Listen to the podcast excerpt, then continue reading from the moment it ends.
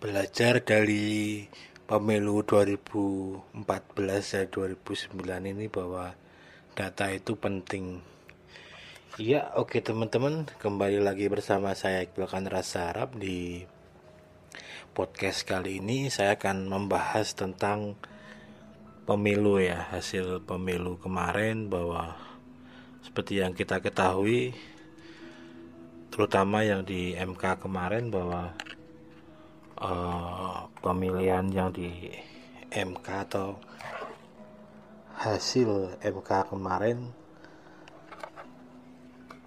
permintaan dari tim apa namanya 02 itu kan kemarin ditolak semua ya. Saya nggak tahu ditolak semua atau ada yang diterima saya kurang tahu. Tapi intinya lebih banyak ke ditolak semua dan semua itu berhubungan dengan data ya.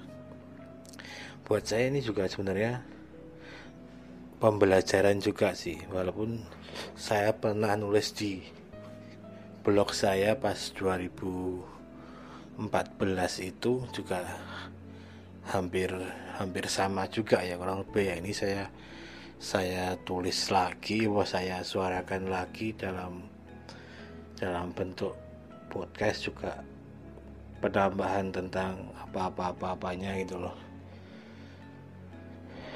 Buat saya sih sebenarnya inti dari semua masalah itu ada di data ya teman-teman ya. Karena kalau kita mau ngeklaim sebuah angka itu kan berarti kita harus ada fakta bahwa kita punya data yang sesungguhnya itu yang menurut kita benar. Nah karena keputusan kemarin atau keputusannya itu juga kayaknya sepertinya data tidak boleh dalam bentuk dalam bentuk digital kayak C1 juga sepertinya kan juga harus C1 plano kan buat itu-itu nah makanya untuk dari itu sebenarnya yang harus dipersiapkan mau mau kita itu menang mau itu kalah sebenarnya data itu sangat penting ya. Dan di sini memang butuh angka yang sangat-sangat besar ya untuk mengeluarkan untuk di, dikeluarkan untuk mengeksekusi yang mau saya bicarakan ini. Kalau mau pure dengan semua dibayar walaupun sebenarnya bisa diakali dalam artian bagaimana jika kita memaintain memaintain kader-kader atau pengikut-pengikut kita yang loyal setia mau membantu sebenarnya tidak banyak yang harus dikeluarkan lebih seperti itu. Saya lupa jumlah jumlah TPS di Indonesia seluruhnya itu ada berapa? 700 apa 750 ribu saya kurang kurang paham ya. Kita pakai 750 gitu aja ya. Itu kan 750 dikali satu orang yang dibayar 300 ribu lah itu udah udah berapa ratus miliar yang harus kita keluarkan gitu loh. Tapi kalau kita punya saksi-saksi atau ya lebih ke saksi sih saksi-saksi yang yang loyal mau mencatat dan mengupload apa yang kita perintahkan untuk menjamin keberadaan data itu benar saya rasa sih sangat-sangat masih bisa dilakukan ya. Asumsi saya seperti ini.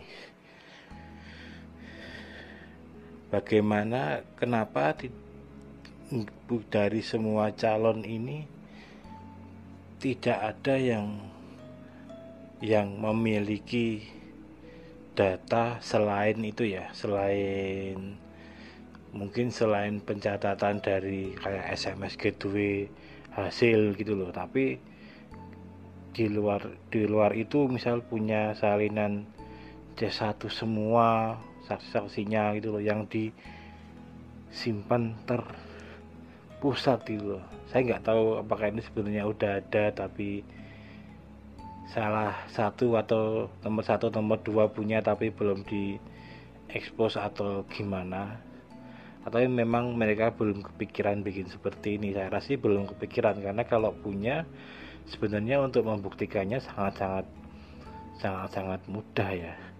Dan bermodal Google Drive Unlimited kan seperti itu. Google Drive Unlimitednya bisa dibeli tempat saya kalau mau kalau butuh itu. Dan sebenarnya costnya di luar itu ya bisa dibilang 0% ya. Mungkin cuman Gdrive itu aja. Kalau nggak mampu beli domain ya link dari Google Formnya nggak perlu didomeni kan seperti itu. Atau pakai blogspot juga bisa linknya sekedar link buat submitnya. Intinya pertama kan sebenarnya tinggal kita membuat form di Google Form yang berisi variabel-variabel yang harus diisikan sama saksi kurang lebih seperti itu kan. Dan bisa mengupload entah itu data entah itu video yang berhubungan dengan kejadian di tempat pencoblosan kalau lebih seperti itu kan. Dari data misal saksi kan belum ada kan yang serius. Bahkan di tempat saya kemarin nyoblos juga nggak seperti itu.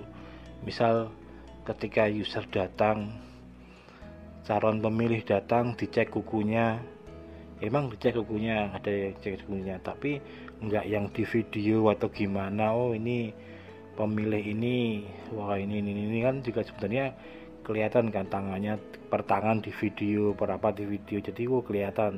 Ini tangannya nggak ada bekas coblosan atau nggak ada bekas tinta atau gimana sebenarnya itu juga data kan. Kayak gitu kayak gitu kayak gitu juga hampir semua momen di foto lalu seperti itu kan juga sebenarnya bisa kan.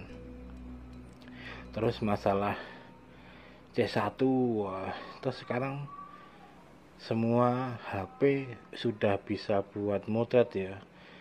Wah di foto itu misal C6 C7 nya jumlah pesertanya berapa emang sama dengan jumlah suara atau enggak dan lain-lain dan lain-lain. Itu kan walaupun yang diterima tetap misal plano atau apa ketika kita punya bukti foto kita punya bukti video dari situ kan bisa buat data kan. Satu satu saksi di taruh TPS itu mengisikan form-form yang udah kita tentukan apa yang harus mereka isi ya. Dari jumlah akhirnya berapa di situ ada apa ada apa ada apa kan sebenarnya itu bisa direkod semua ya. Padahal kalau cuma kalau pakai Gdrive Unlimited ya sisa-sisa lah. Moto misal satu foto sekarang kan HP bisa buat nyeken kan nyek satu foto satu scanan misal 3 MB 5 MB dikali 750 ribu kan sebenarnya nggak nyampe satu tera juga saya rasa. Masih hitungannya masih ratusan giga juga ya masih enak lah. Kalau manajemennya itu benar manajemen database-nya itu benar gitu loh. Juga tiap user salinan kopinya atau apa setiap saksi disuruh ngirim ke alamat tertentu yang biar itu nantinya gampang untuk mendistribusikannya ya. Dikirim dulu ke daerahnya disusun ke pusat yang daerahnya dari daerahnya dikirim ke pusatnya ada di Jakarta. Kalau kayak 02 ya di Kartanegara atau gimana dengan mengirim ke alamat ini. Atau dibikin beda-beda yang Maluku rumahnya ini yang ini ke mana-mana ini biar benar-benar database C7 nya itu rapi loh. Kalau ada emang ada selisih kecurangan di daerah mana nyarinya juga gampang dulu Nah sampai sekarang kan belum ada yang sampai kepikiran seperti itu ya. Bahkan untuk sekelas survei yang mereka gunakan aja masih menggunakan data sampel ya. Jarang yang benar-benar real real buat buat bisa ke sana loh. Ke lokasinya data-data itu mereka kan punya kalau ya 02 kemarin pas di Jakarta atau apa itu punya 7 juta umat atau apa itu sebetulnya.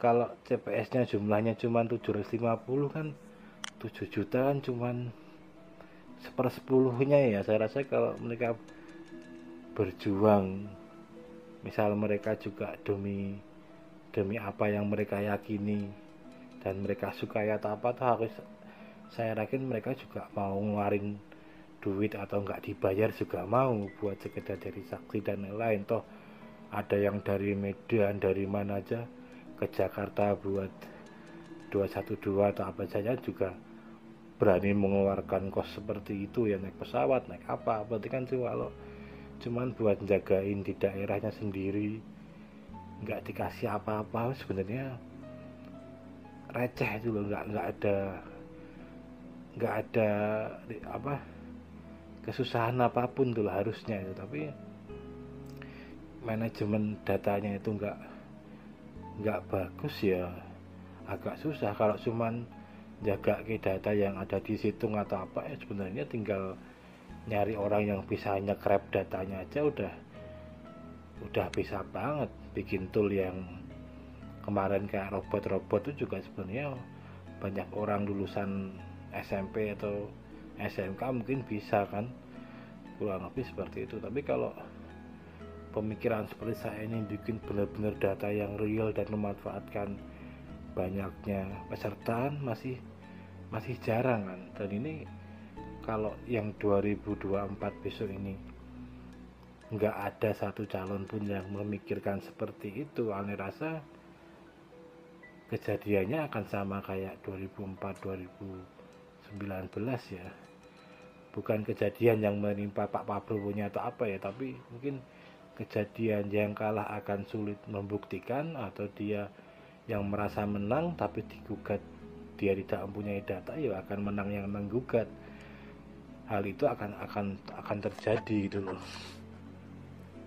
Intinya kan kalau kita udah udah siap dengan data kalau kalah itu bisa jadi pegangan kita buat kalau kita kalau kita kalah kalau kita merasa kita dicurangi kita punya data buat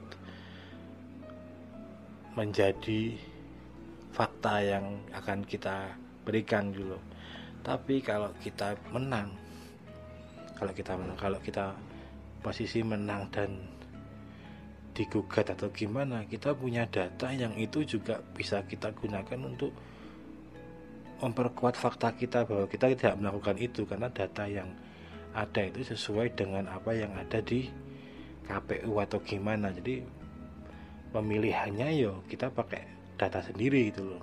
Yang ada di lokasi gitu loh. Itu kan nggak jauh beda kan dengan apa yang dilakukan sama apa itu?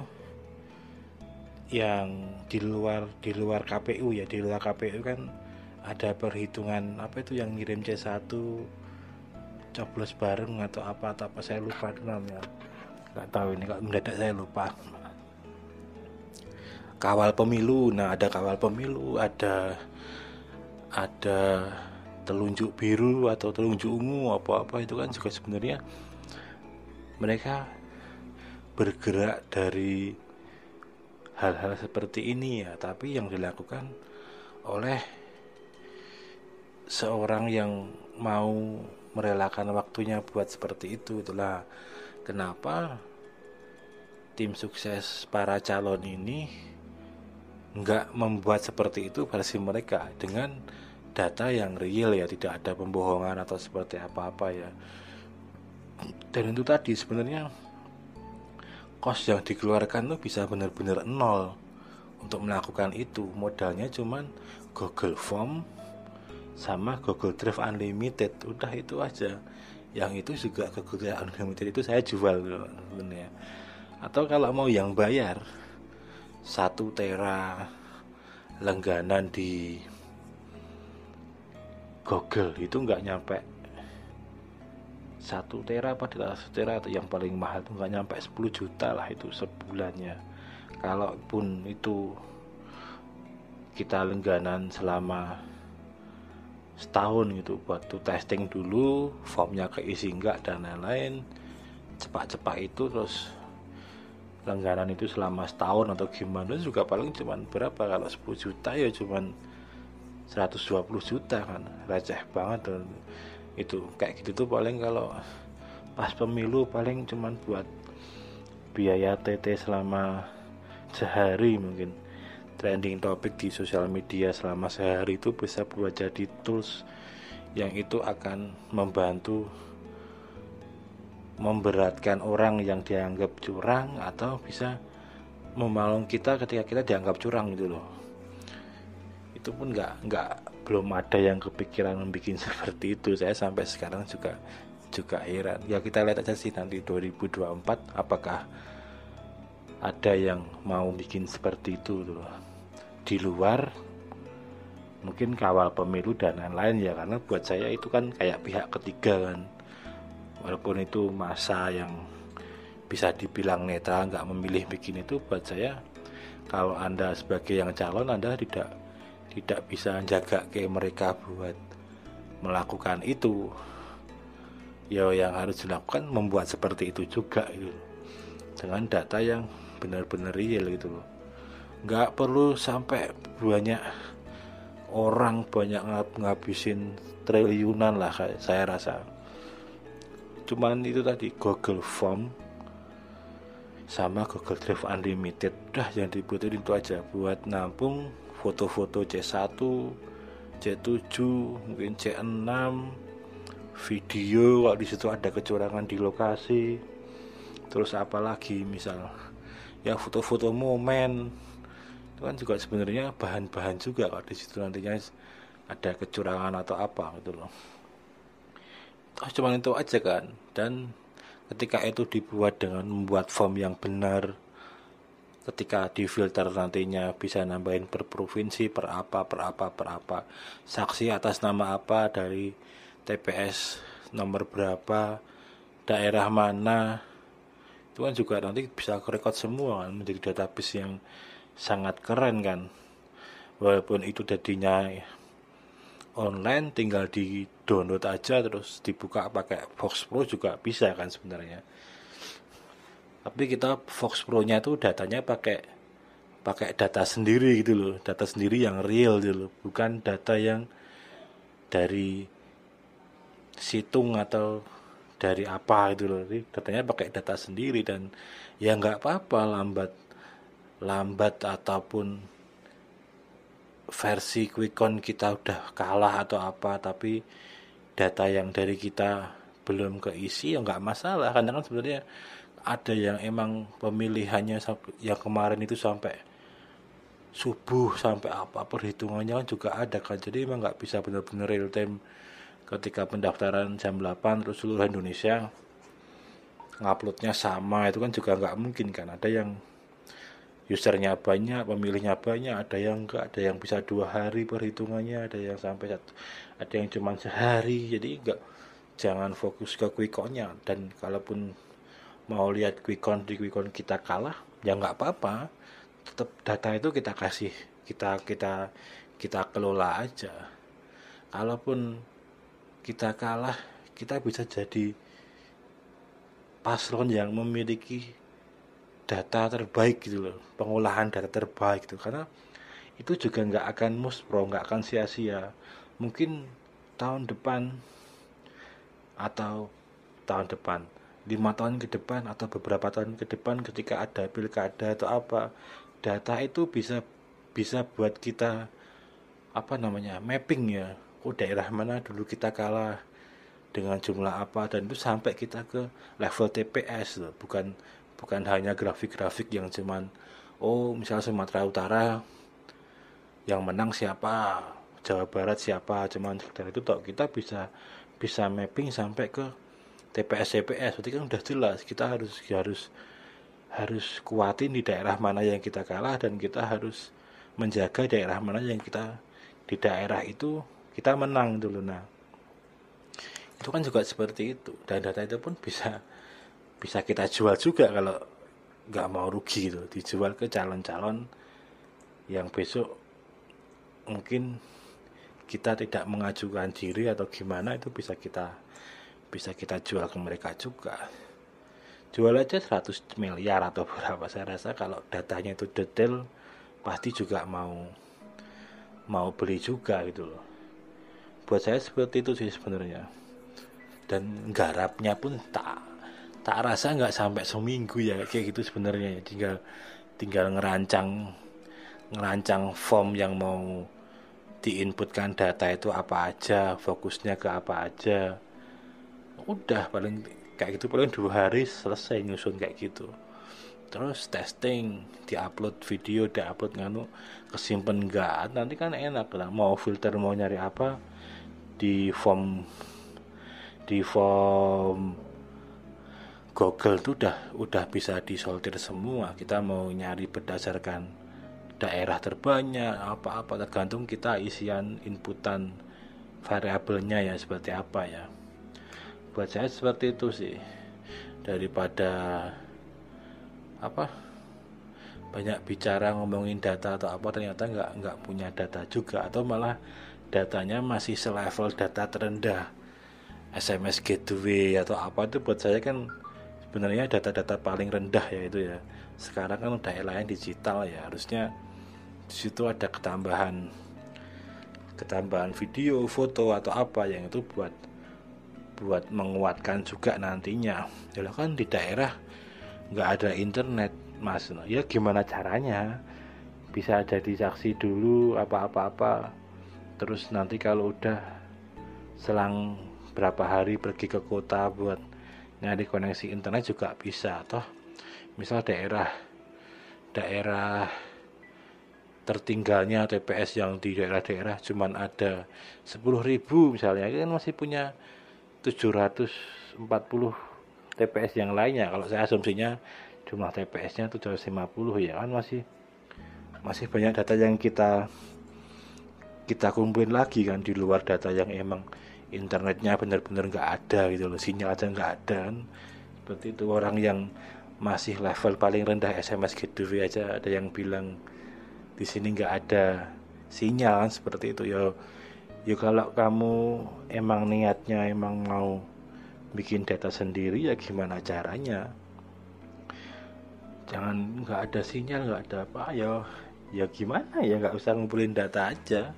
Tapi kalau kalau udah punya niatan sampai mau mapping bener-bener mapping semua sampai kita punya backup yang real seperti KPU ya. Ya kayak gitu cara satu-satunya itu udah cara cara paling bodohnya bodoh itu cara yang nggak pakai mikir itu. Tuh tapi hasilnya benar-benar bisa dibuktikan gitu loh. Itu tadi kalaupun data itu nggak kepake kepake saat itu juga kita dinyatakan kalah atau apa itu bisa kita buat mapping tahun-tahun berikutnya ya dari pilkada dari pileg dari apa itu masih bisa digunakan sekali. Mapping-mapping seperti itu. Ya kurang lebih seperti itu podcast saya kali ini tentang data-data yang sebenarnya masih minim dibuktikan atau minim dipunyai ya selain hanya nyekrap situng ya. kurang lebih seperti itu. Semoga bermanfaat. Semoga 2024 besok yang kalah atau yang menang itu menjadi visioner. Lebih kalau kita bukan ngomongin yang kalah yang menang para pesertanya itu menjadi visioner yang mereka memiliki data yang benar-benar data real gitu loh. Kurang lebih seperti teman-teman. Semoga podcast saya ini bermanfaat. Yang jelas sekarang udah udah jelas presidennya siapa dan lain-lain. Ya teman-teman mau milih ini mau milih itu saya nggak urusan. Yang penting kantong kita tetap terisi ya. Dan kita tetap bisa makan dah intinya itu seperti itu. Nggak usah mumet-mumet. Oke sekian dulu podcast dari saya. Salam olahraga